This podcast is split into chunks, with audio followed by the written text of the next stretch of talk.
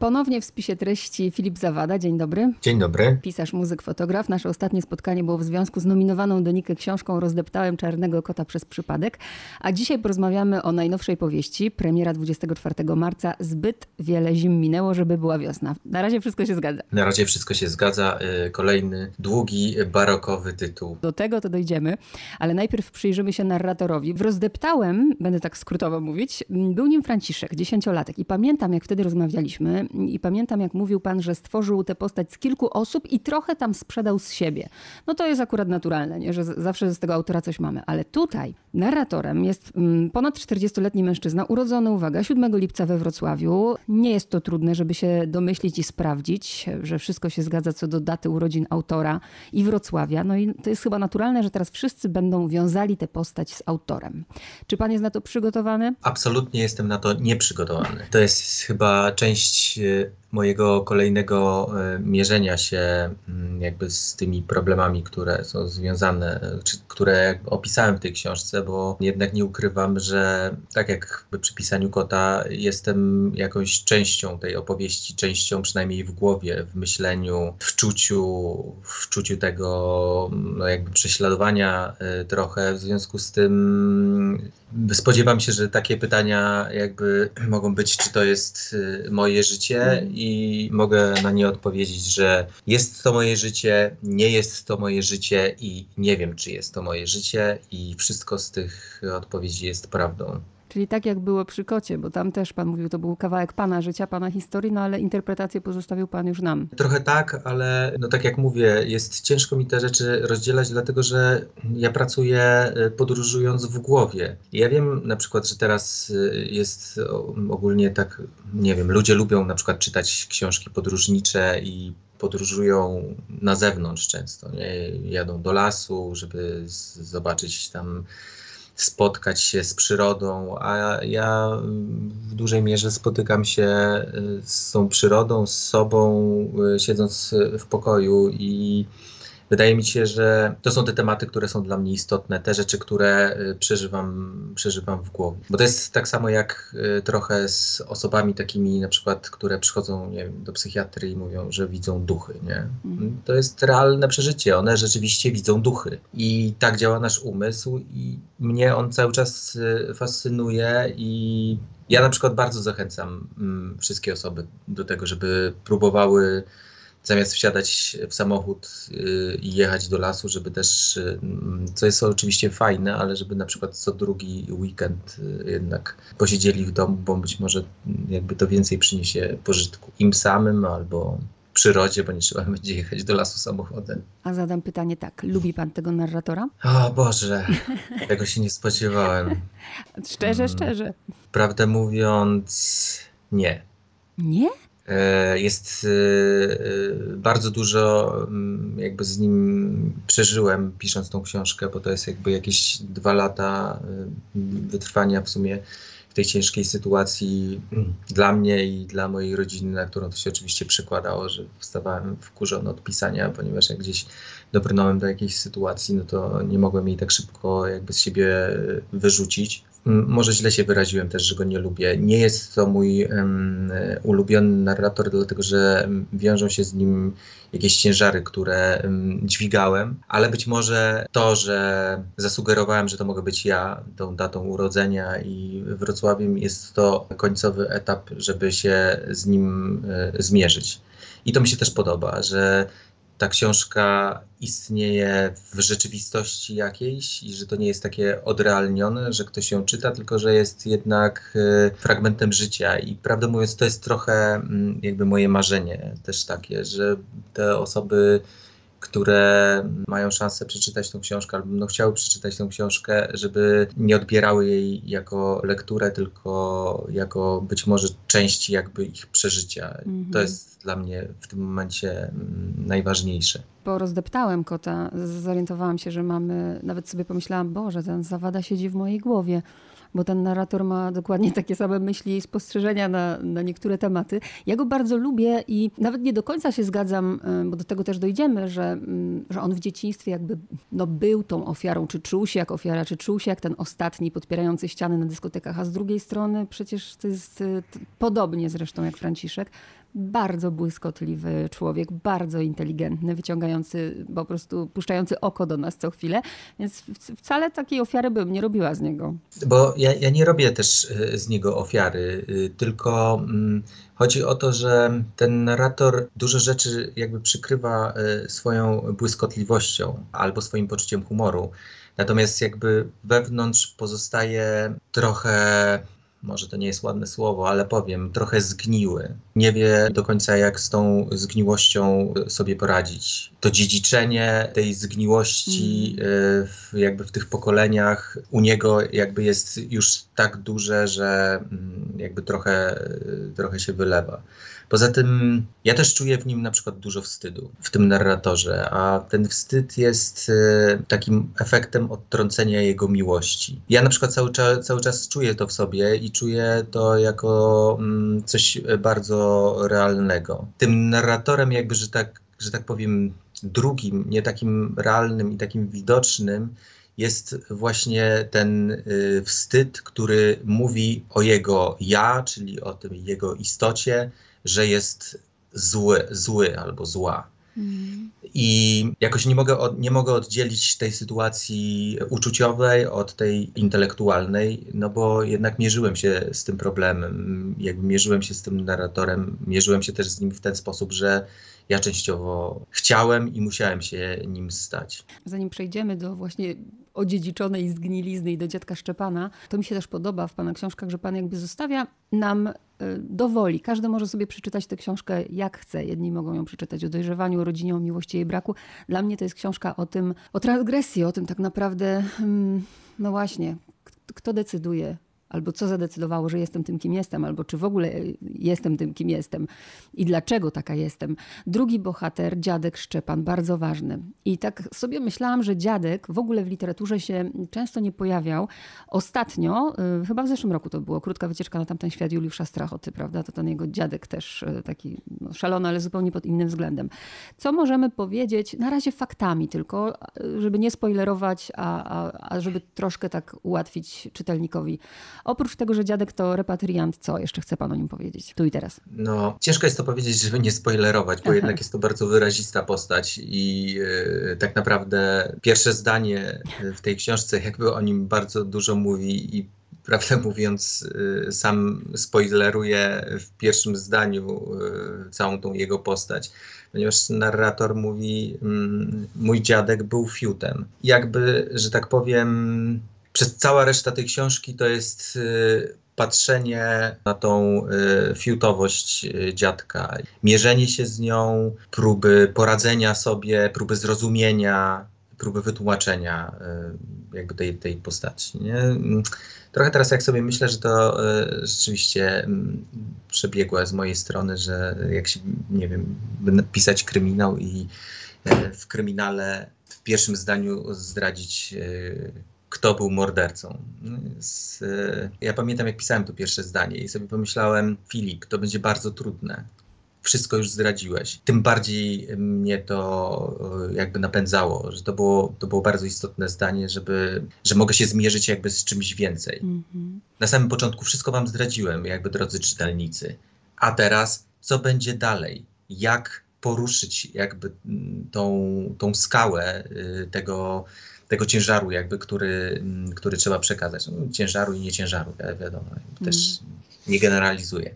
Ale to jest ciekawsze. Pamiętam w granicy naukowskiej też tak było, że wiedzieliśmy przecież wszystko od początku, a później dochodziliśmy, jak do tego doszło. I tutaj, jak ja przyznaję się szczerze, że właśnie otwieram tę książkę, zawsze tak od A do Z, najpierw oczywiście te wszystkie wstępne rzeczy i, i mam to pierwsze zdanie i ryknęłam śmiechem, nie? To, to była moja pierwsza reakcja. A druga rzecz, to co ja też lubię y, właśnie u pana, że pan od razu właściwie każdym dotknięciem jakiejś sprawy walczy z jakimś stereotypem, bo tutaj na chwilę się chociaż przy tym chcę zatrzymać, że w ogóle dziadek w naszej kulturze to przecież ten dziadunio y, z literatury dla dzieci, ten, który och, jest wsparciem, rozumiesz, cudowny i kochany i nijak się to ma do rzeczywistości, jak się patrzy w ogóle na kulturę polską i tego, jak mężczyźni byli wychowywani, jak traktowali na przykład dzieci. I pan właśnie też łamie tu ten stereotyp, że o zmarłych się mówi tylko dobrze, prawda? Bo tak właśnie jest, że my o zmarłych, no lepiej nie mówić nic, jak już się ma mówić źle. Tak, moim zdaniem to też nie jest y, w porządku, bo ja rozumiem, że zmarły też y, nie, nie może się bronić, ale może może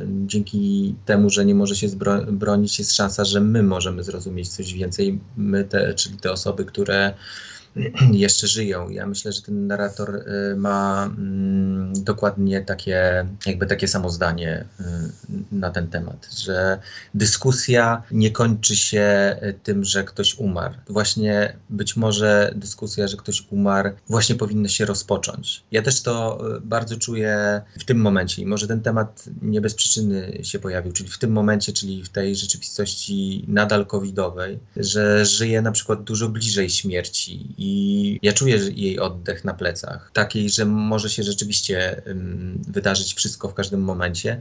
I to jednak napędza mnie do, do życia i do tego, żeby z, jakby z czymś się zmierzyć, coś zrozumieć, wstać y, z wdzięcznością, że się po prostu wstało i to jest, y, można uznać, że to już jest jakby sukces te, w tej y, w tej, w tej całej sytuacji, więc a śmierć tak w kulturze zawsze jest jakoś tak pomijana trochę, nie? że pojawia się w filmach Disneya mm. tata duch, który jest przyjemny i tak dalej, i tak dalej, a nie ma, nie ma tak naprawdę doświadczenia tej śmierci, mm, takiej Mm, jakby prawdziwej, poczucia straty, przeżywania żałoby, albo niechęci przeżywania żałoby, co mm. jakby teraz jest chyba mm, dużo bardziej zrozumiałą sprawą, bo tam nie wiem, wszyscy mówią o tych nieodebranych urnach bliskich i jakby coraz mniejszej ochoty do jakby do grzebania, grzebania ich i tam oczywiście nie wiem jak to w Polsce, ale to w Szwecji chyba jakby taki problem jest i w, w Czechach chyba. No i ja myślę, że ta książka też trochę jakby tego, tego dotyka, że przeżywanie żałoby jest też czymś bardzo istotnym, bo pozwala nam y, zrozumieć tak naprawdę po co żyjemy. Dużo myślałam nad tym dziadkiem, bo jako osoba empatyczna to szukam usprawiedliwienia i dziadek usprawiedliwia sam siebie przed całą rodziną, prawda, że on przeżył wojnę, on widział to, on widział tamto, jemu się należy i tak dalej. Czy pan się zastanawiał, czy wnuk może nie jest zbyt surowy dla dziadka, bo przecież to, że dziadek taki jest, też z czegoś wyniknęło. I ja na, na myśli mam prababcię Julię bodajże, która też się tu pojawiła nie bez przyczyny. On go, suro, on go um, ocenia y, zdecydowanie za surowo. I równie dobrze mógłbym się wycofać z tego zdania. Dlatego, że to są jakby emocje, y, z którymi, jakby nim targają takie emocje, z którymi ciężko y, jest dyskutować. I też można by było powiedzieć bez sensu, że się kłócimy albo bez sensu, że wrzeszczymy na siebie, ale zdarza się tak w domu, że czasami ktoś się kłóci, ktoś wrzeszczy i widocznie jest w tym jakiś powód. Ten y, wnuczek czasami nie rozumie tych emocji albo nie jest w stanie y, nie jest w stanie ich opanować.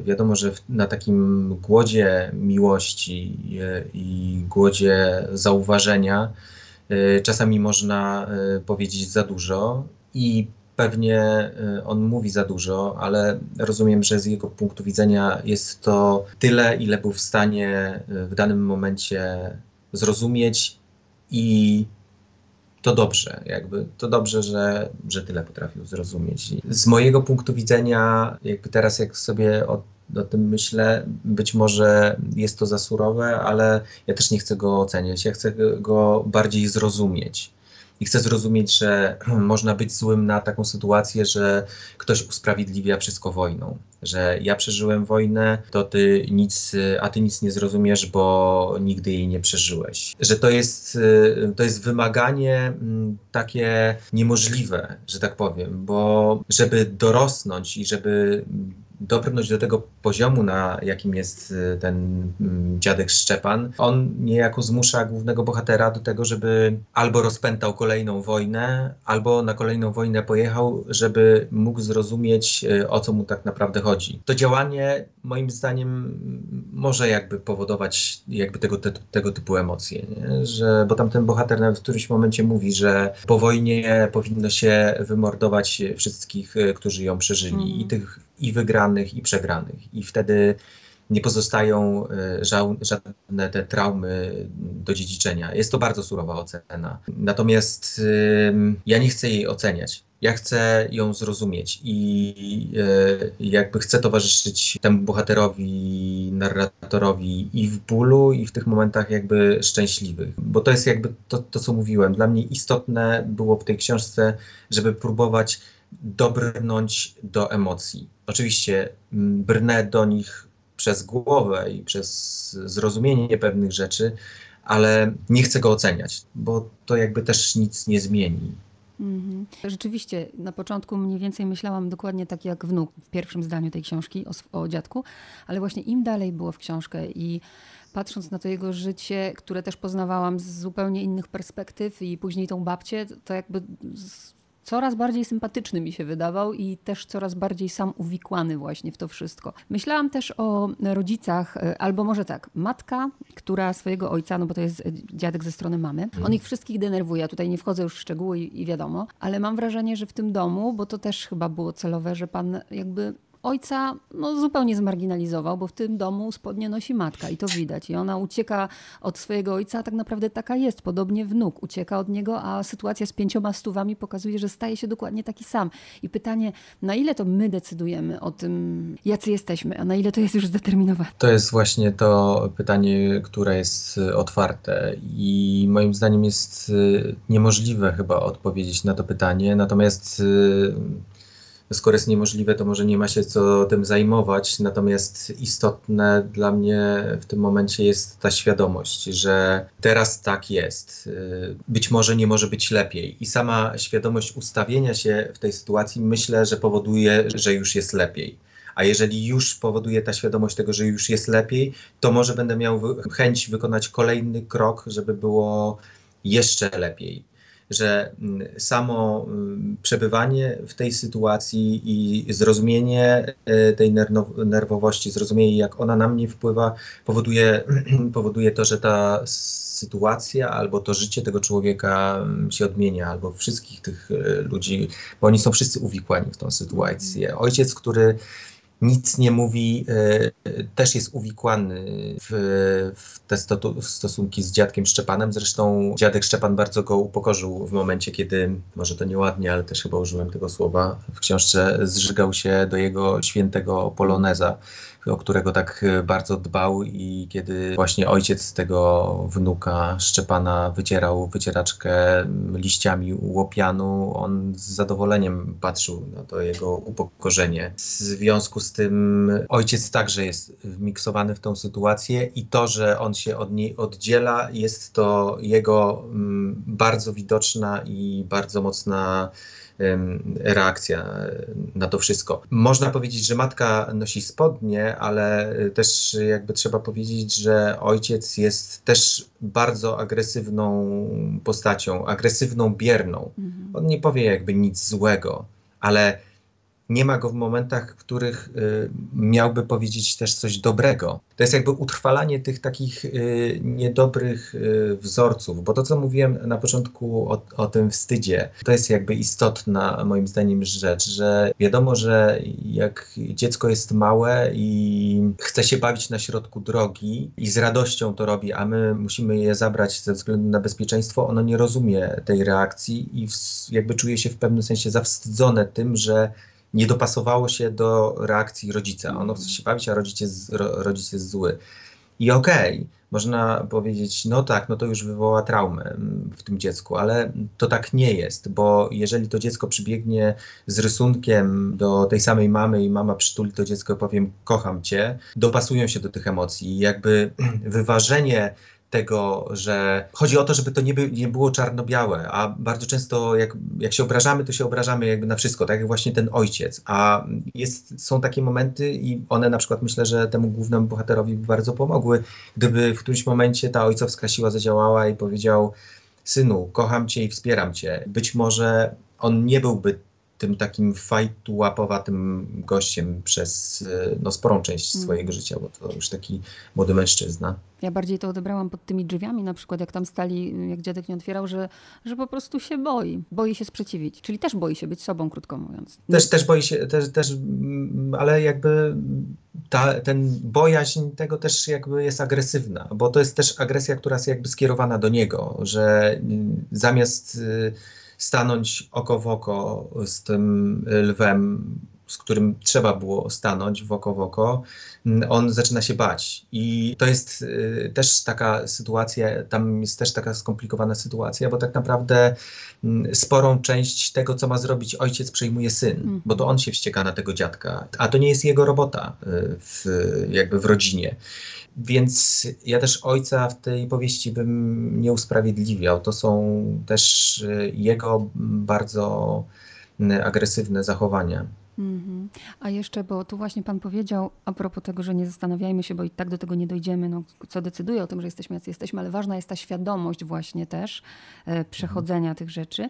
Ale nie wiem, czy mam słuszne wrażenie, że właśnie ten syn i ta matka, matka na pewno nie, a, a wnuk też nie. I może to się stanie już po zakończeniu tej książki, ale ja nie odczytałabym tego, czy, czy nie odczytałam, że on właśnie ma świadomość tego, że on się staje taki jak dziadek. Może to się dopiero stanie musi minąć trochę od tej śmierci. Czy, czy źle myślę? Mm, na pewno nie źle. Jakby każda interpretacja jest, jest dobra tego, tej książki. Ja nie mam pojęcia, y, co się stanie.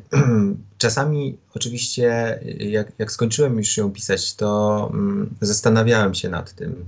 Jeżeli dziadek wzbudzał wstyd albo powodował, że wnuk się wstydzi. Co mogłoby to znaczyć tak globalnie? Na przykład pomyślałem, jeżeli przerzucimy to na pokolenia, że byliśmy wychowywani na przykład tak, że nie rób tego, mm, bo to wstyd, albo wstydziłbyś się, jakby w, jakby w takiej narracji się wychowywaliśmy. Czyli ogólnie byliśmy odtrącani, jeżeli chodzi o tą miłość no to e, następnym pokoleniem, które się urodzi, czyli mm, synem tego bohatera głównego, który tam w jakiejś takiej minimalnej części się pojawia, pojawi się e, takie pokolenie poczucia winy. I nie wiem co dalej, ale jakby to jest już takie moje e, gdybanie, a ponieważ nie mam tego rozszyfrowanego, bo ja też jak piszę, to pisanie jest dla mnie pewną jakby taką umiejętnością rozumienia i siebie, i tego, co mnie otacza, i trochę tłumaczenia sobie y, tego, nawet w, jakby w taki pokrętny sposób, że się albo wyśmiewam, albo mm, stawiam na przykład bohatera na takiej krawędzi, w której on jest zdecydowany i źle postępuje, mm, żeby też coś zrozumieć. Tak jak mówię, nie wiem, co mogłoby się dziać dalej, ale podejrzewam, że mm, syn tego głównego bohatera będzie dzieckiem prawdopodobnie z poczuciem winy żyjącym. No bo nie chcę tu spoilerować i zdradzać, bo to jest zawsze fajne, mm, więc będę uważać, jak zadaję to pytanie, nie mówiąc w ogóle o co chodzi w tym ale duża część tej książki składa się z listów. Te listy, mm, zdecydował się Pan na formę listu właśnie dlatego, że, że ich nie można okiełznać, że tam wylewają się wszystkie uczucia. Z tych listów też możemy się wiele dowiedzieć. List o tyle jest dla mnie, był taką ciekawą figurą, że te listy są trochę takimi wiadomościami z zaświatów ale żyjącymi wiadomościami z zaświatów, ponieważ e, ten główny bohater odkrywa te listy po śmierci mm, swojego dziadka. Trochę właśnie wstydząc się, trochę nie wiedząc, co z nimi zrobić. E, część z nich przeczytał, część spalił, może nie będę spoilerował, ale może zachęcę, a na jeden z nich odpowiedział, mm. że to też jest takie mierzenie się z duchami albo mierzenie się jakby z tym pokoleniem, które, y, które już odeszło, że okazuje się, że to nie jest tak, że, że to wszystko tak y, łatwo, nie wiem, mija że to jest jakby też jakaś tam udowodniona jakby teoria psychologiczna, że te traumy na trzy pokolenia później e, dziedziczymy.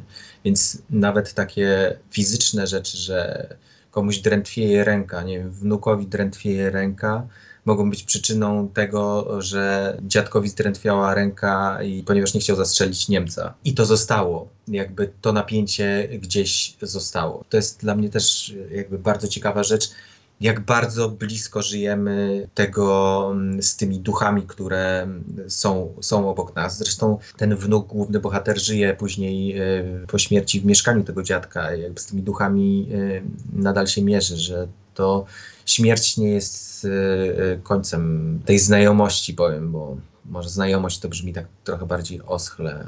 To była raczej znajomość między wnukiem a dziadkiem, a nie jakieś więzy rodzinne. A jeszcze trzy kwestie. Nie wiem dlaczego akurat to mnie interesuje, ale pamiętam, że w Kocie też, no Franciszek tam się chyba ze dwa razy w ogóle pojawił, że wiemy, że to Franciszek.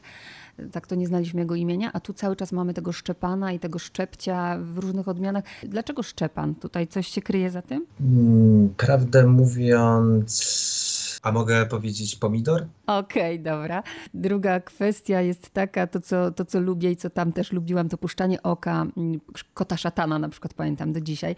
A tu to świetne, tą zabawę słowem, że rad i ość może oznaczać napromieniowany szkielet ryby. Niesamowitą pan ma głowę, że pan to tak analizuje wszystko. Nie, nie wiem, bo rozumiem, że to jest takie zawieszenie głosu, żebym coś odpowiedział, ale rozumiem też to jako komplement, ale też tak, od razu tak. czuję się jakby zawstydzony ponieważ e, zawsze wydawało mi się, że moja głowa, no może nie zawsze, ale w dużej części wydawało mi się, że jest normalna. Ale tak, ja, ja mam taki umysł y, trochę analizujący to wszystko i prawdę mówiąc, y, zawsze mi się wydaje, bo dla mnie z pisania książek najprzyjemniejsze jest y, myślenie. W związku z tym książki są trochę takim efektem ubocznym tej rzeczy, którą bardzo lubię, chociaż pisanie też lubię. Natomiast, bo ono też, okej, okay, też mi pomaga coś zrozumieć, ale myślenie jest tą rzeczą y, podstawową, nie? że to jest ten moment, w którym się budzę rano i jakby od razu zaczynam coś kombinować. Zresztą myślę, że już jak nie jestem taki, jestem na półjawie, już zaczynam coś kombinować, bo bardzo często jak wstaję, to od razu zaczynam coś zapisywać. W związku z tym ja sobie to mm. wyobrażam, że pan się świetnie bawi. Jak na, na, z tyłu na okładce jest napisane absolutnie niepodrabialny i wyjątkowy głos w polskiej literaturze, to y, moja pierwsza myśl była, że takie, tak od razu, nie? Tak chciałam to zanegować. Ale rzeczywiście, naprawdę, gdybym nie miała napisane Filip Zawada na okładce, to bym wiedziała, że to jest pana książka, bo to jest ta zabawa językiem, to bycie na granicy czegoś poważnego, z czymś y, bardzo poważnych tematów, ubranie tego w taki język, y, który staje się komiczny, no to jest niepodrabialne. Ja też mam takie y, przeczucie, że w tej literaturze, w której mm, posługuje się głównie głową, żeby, żeby ją stworzyć, język jest y, najistotniejszą rzeczą, dlatego że mm, jakby precyzyjne y, dobieranie słów albo precyzyjne dobieranie mm, śmieszności y, lub powagi może doprowadzić do tego, że ktoś będzie chociaż w minimalnym stopniu w stanie być w mojej głowie. Ja mówię też o tym, że o tym byciu w głowie, bo to dla mnie jest ważne, że mi najlepiej czyta się y, książki te, które właśnie tak na mnie działają, nie? że mogę być na przykład y, w głowie Virginia Woolf. Cześć! Y, odezwał się mój kot, więc tutaj Super. jakby chciałem poinformować wszystkich Ciekawe, słuchaczy, że to, że, że to mój kot, ja jestem winny temu, że on teraz y, miał, czy dlatego, że nie chcę mu otworzyć drzwi, ale już mu otwieram. Dobrze. Jestem z powrotem. No to jeszcze tytuł, bo od razu sobie wygooglałam i wbijam zbyt wiele zim, bo ja tak lubię wiedzieć, co mi wyskoczy na, na najbliższych czterech stronach i nic innego nie wyskoczy, tylko Filip Zawada. Jak to było z tym tytułem? Tylko nie pomidor, błagam. Nie, nie, tutaj pomidor nie będzie, ale mm, to wytłumaczenie też jest może dosyć pokrętne, a może dosyć łatwe, e, dlatego że z tytułami ogólnie różnie bywa. Czasami one e, pojawiają się na samym końcu, e, czasami pisze się wszystko pod tytuł, bo już jest na samym początku. U mnie ten tytuł pojawił się w środku, wstyd mi jest o tym mówić. Ja dzisiaj dużo wstydzie, nie? Mm. Ale powiem, powiem to. Y, ewidentnie poczułem, y, że jest coś takiego jak natchnienie. Jeżeli tak się czują y, poeci, jak dostają natchnienia, to myślę, że to naprawdę jest, jest ekstaza, bo to, bo to był taki moment, w którym ja też do, dobrze pamiętam, że przez taki deszcz szedłem do pracy, jakiś taki niechętny ani do pracowania, ani do iścia, ani niechętny w ogóle na ten deszcz. I w tej, z tej takiej niechęci powstał właśnie ten tytuł. I ten tytuł powstał w ciągu ułamka sekundy. Od razu go zanotowałem, bo zawsze mam przy sobie długopis i kartkę. Od razu wiedziałem, że, że jest to tytuł. Oczywiście zawsze liczę się z tym, że jak mam te długie tytuły, to sobie myślę, no znowu będzie, że, że to długi tytuł i, i w ogóle jak to wygląda, jak, jak to, i że w redakcji będzie taki problem, że to może nie jest, nie wiem, komercyjne albo jakieś, ale oczywiście w znaku nikt takie, że takie rzeczy mi się nie zdarzyły i mm, moja redaktorka powiedziała, że tytuł jest y, fenomenalny, zostawiamy i jest ekstra. I to była, y, to była też jakby dla mnie zaskakująca rzecz, myślałem, wow, super, y, fantastycznie, ale też Dorota właśnie, która jest tą taką redaktorką tej powieści była od samego początku, powiedziała, że jej ten tytuł się zmienia. Co już w ogóle y, było, jakby zachwyci, zachwyciłem się tym, y, ponieważ jakieś pięć miesięcy przed wydaniem tej książki y, w skrócie mówiła na niego zimy, a e, jakiś tydzień przed wydaniem tej książki powiedział, że jeśli tytuł zmienił i mówi na niego wiosny, to jakoś moje serce zaczęło szybciej bić, jak, e, jak to powiedziała sobie. Pomyślałem, że to niewiarygodne, że, mm, że takie krótkie zdanie może raz, że może się tak zmieniać, a może tak różne emocje jakby wywoływać. W związku z tym no, jestem zachwycony, że nie było z tym tytułem żadnego problemu i wszyscy na niego w sumie chyba bardzo dobrze reagują. Ja lubię w ogóle, te, lubię tak um, uczepić się tytułu i zdenerwowało mnie, jak znalazłam już w internecie, na razie w opisach, krótkich recenzjach gdzieś tej książki, że po prostu no, skracany jest ten tytuł, zbyt wiele zimi, trzy kropki. To mnie denerwuje, nie? bo to uważam, że powinien być cały ten tytuł. A druga rzecz jest taka, że ten tytuł, ja dzisiaj jestem na takim etapie, ja nie wiem na, na jakim będę właśnie za trzy miesiące, ale dzisiaj po przeczytaniu tej książki i po tej rozmowie mm, na temat no, tego, głównie tej transgresji, o czym rozmawialiśmy, to jakoś mi ten tytuł zabiera nadzieję na zmianę. To dobrze. Dobrze?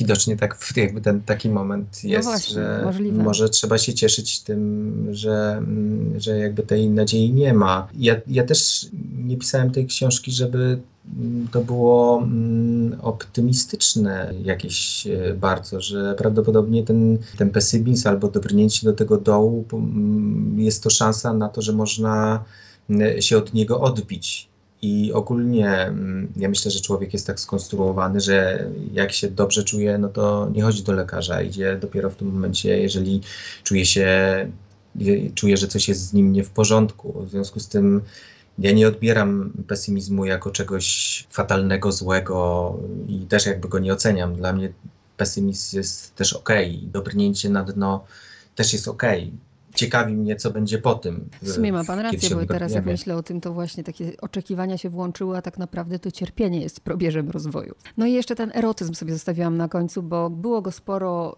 y, chociaż w innym kontekście, a teraz też mamy go w innym kontekście i to, co uwielbiam, właśnie to mówię, jest niesamowite, że my myślimy jakby i analizujemy tę rzeczywistość bardzo podobnie. Nie chcę spoilerować, to tylko powiem hasło pranie, to drodzy słuchacze zrozumiecie, o co mi chodziło. No, jeżeli chodzi o erotyzm w tej książce, to jest y, dla mnie jakby ogólnie bardzo trudny temat i trudny temat y, jakby do udźwignięcia, żeby był w jakikolwiek sposób prawdziwy. I prawdę mówiąc, okej, okay, zdradzę to.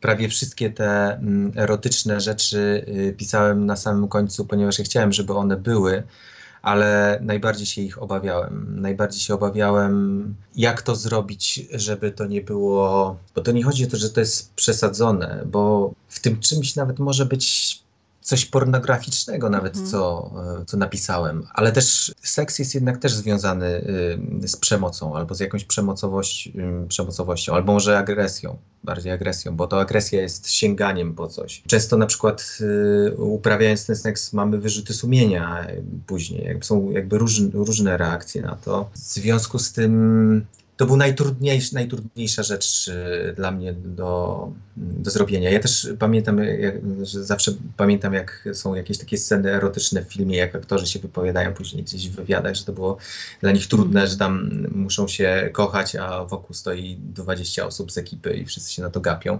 I ja też y, w tych momentach erotycznych może nawet trochę pornograficznych. Z mojego punktu widzenia mm, czułem się bardzo obserwowany z zewnątrz. I to jest ciekawe, bo to pewnie jest jakiś mój problem, który jest jeszcze we mnie mm, albo nierozwiązany, albo jeszcze nie mam go jakby na tyle ułożonego w głowie.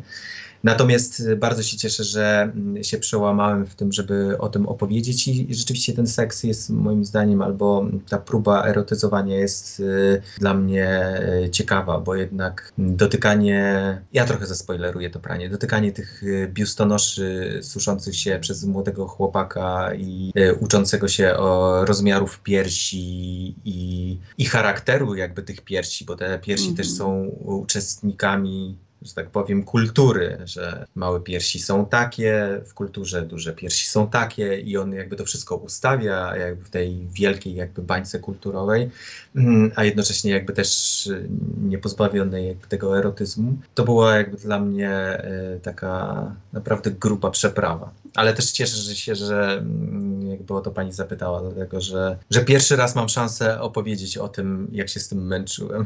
Mało tego, to dla pana była gruba przeprawa, a dla mnie też, nawet zapytanie o to, bo ja czytając tę książkę, sama sobie zda, zdałam sprawę, w jakiej ja jestem bańce kulturowej. Bo pan mówi, że właśnie a propos tutaj stawiania siebie teraz jako ten aktor, jako ten twórca tego, a ja jako czytająca, pokazało mi to, jaki właśnie, jaki jaką nam zrobiono krzywdę. Wychowanie w tym właśnie zasłanianiu, kiedy są jakieś sceny seks, czy w ogóle pocałunku, jak się jest dzieckiem, że ja czytając takie rzeczy czuję, czuję się zawstydzona, i tak jakbym sobie nie dawała prawa, żeby je czytać, bo, bo, bo się wstydzę, bo nie wypada, a z drugiej strony chcę tego. Nie? To, to też taka lekcja dla mnie niesamowita była. Boże, to jest, y, wylewa pani y, miód na moje serce. Po prostu jest to dla mnie najfantastyczniejsze, jeżeli ktoś, kto jakby czyta e, moją książkę, może się e, z czymś mierzyć i może jakby powiedzieć, że to jakoś jego, jego dotyka i to jeszcze w, jakby w taki sposób. Bo to znaczy, że to, co próbowałem zrobić i to, co starałem się w tym przeżywaniu zrobić, e, w jakiś stopniu się mi udało i to jest fantastyczne rzeczywiście jest to okrutne, co powiem, ale bycie zażenowanym, y, czytając to, jakby te sceny powiedzmy erotyczne, jest dla mnie jednym z największych komplementów, jakie chyba mogłem dostać. Ja sama aż nie wierzę, że to powiedziałam głośno. Dobra, ostatnie pytanie, bo tak mogę długo i długo. To takie trochę może osobiste, bo nie pytam teraz o bohatera, ale pytam o autora książki.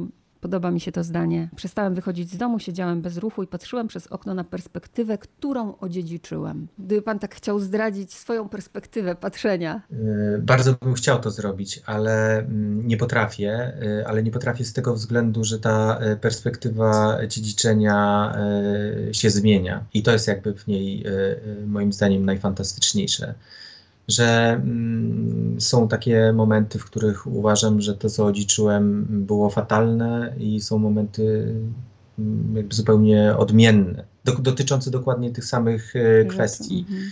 W związku z tym, ja wiem, że to super by było mieć takie jedno zdanie na ten temat, ale ja niestety e, go nie mam. Moje zdanie się mm, zmienia. Ale tak jak pan mówi, i tak też jest ok. I mam nadzieję, że i tak też jest ok.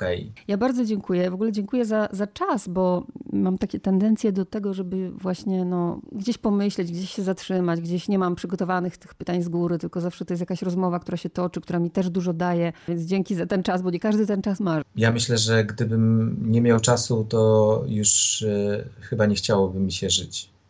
Że to jest też moim zdaniem jedna z części tej, tej książki, że okej, okay, rozumiem, że czas to pieniądz, ale czas jest to też taka bardzo dobra, bardzo dobry, że tak powiem, masaż, że przebywanie z kimś, rozmawianie, czy nawet przebywanie z samym sobą e, i czucie się, że jest się w tym czasie, to jest moim zdaniem masaż trzy razy lepszy niż tajski. Super zakończenie. Dzięki wielkie. Dziękuję bardzo, bardzo za rozmowę.